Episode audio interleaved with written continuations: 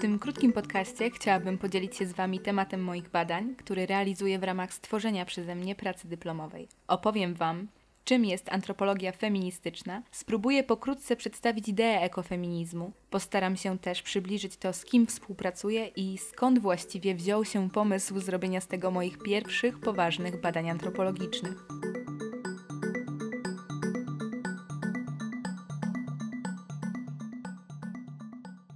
Antropologia feministyczna, w ramach której chcę zrealizować interesujący mnie temat, to dział antropologii, którego początków możemy doszukiwać się w połowie lat 70.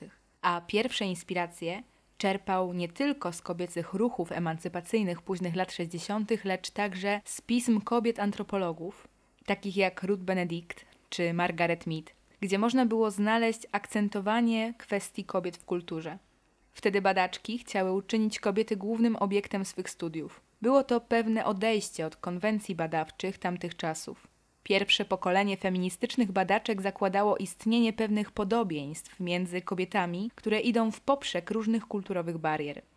Chodziło o dyktowaną przekonaniem o subordynacji i uciszaniu głosów kobiet w różnych kulturach świata, próbę uczynienia tych kobiet widzialnymi dzięki etnografii. W roku 1970 Peggy Gold redaguje książkę Woman in the Field.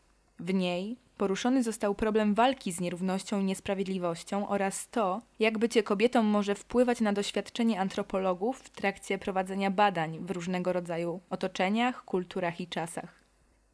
Później w pracy Woman Culture and Society możemy przeczytać Wszędzie zauważamy, że kobiety są wyłączane poza niektóre kluczowe ekonomiczne i polityczne czynności – że ich role jako matek i żon wiążą się z mniejszą władzą i prawami niż te, którymi dysponują mężczyźni. Można więc w zasadzie twierdzić, że wszystkie współczesne społeczeństwa są zdominowane przez mężczyzn i choć stopień przejawiania się subordynacji kobiet może się w nich bardzo różnić, to asymetria płciowa pozostaje uniwersalnym faktem ludzkiego życia społecznego.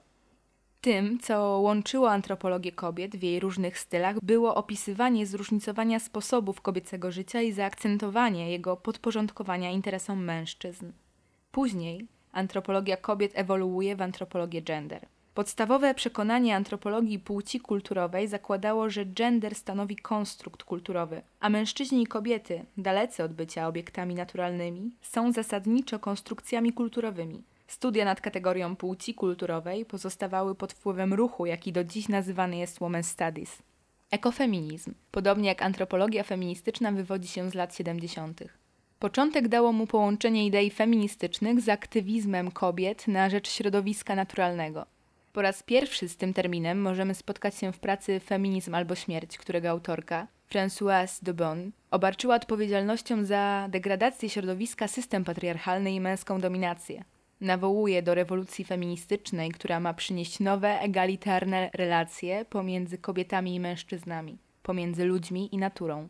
Podstawowe założenia głoszą, że powodem nieszczęść i zagrożeń jest system patriarchalny. Wzrost populacji powodowany kontrolą nad prokreacją i płodnością oraz wyczerpywanie zasobów ziemi są bezpośrednimi powodami obecnej katastrofy ekologicznej. To seksizm, a nie walka klas powoduje istnienie hierarchii oraz wyzysku człowieka.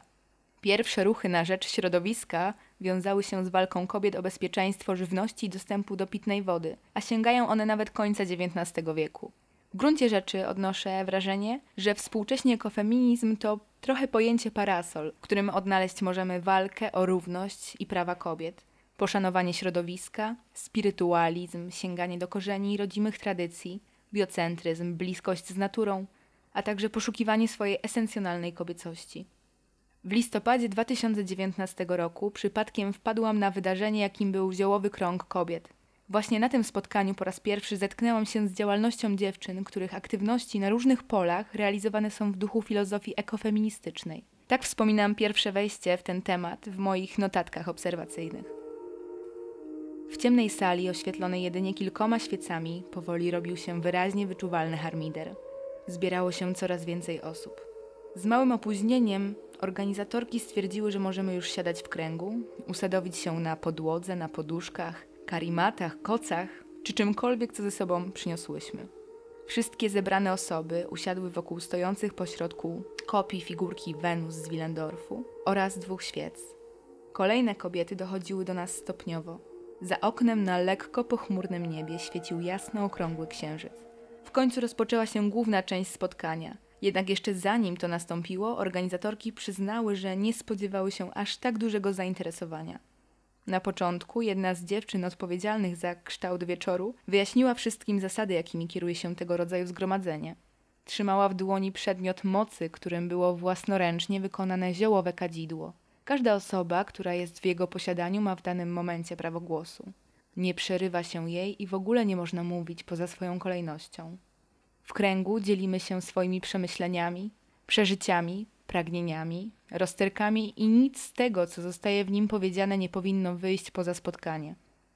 Kiedy przedmiot mocy trafi w nasze ręce, wtedy w swojej wypowiedzi możemy odnieść się do słów, które już padły, ale nie komentujemy zajadle tego, co usłyszeliśmy.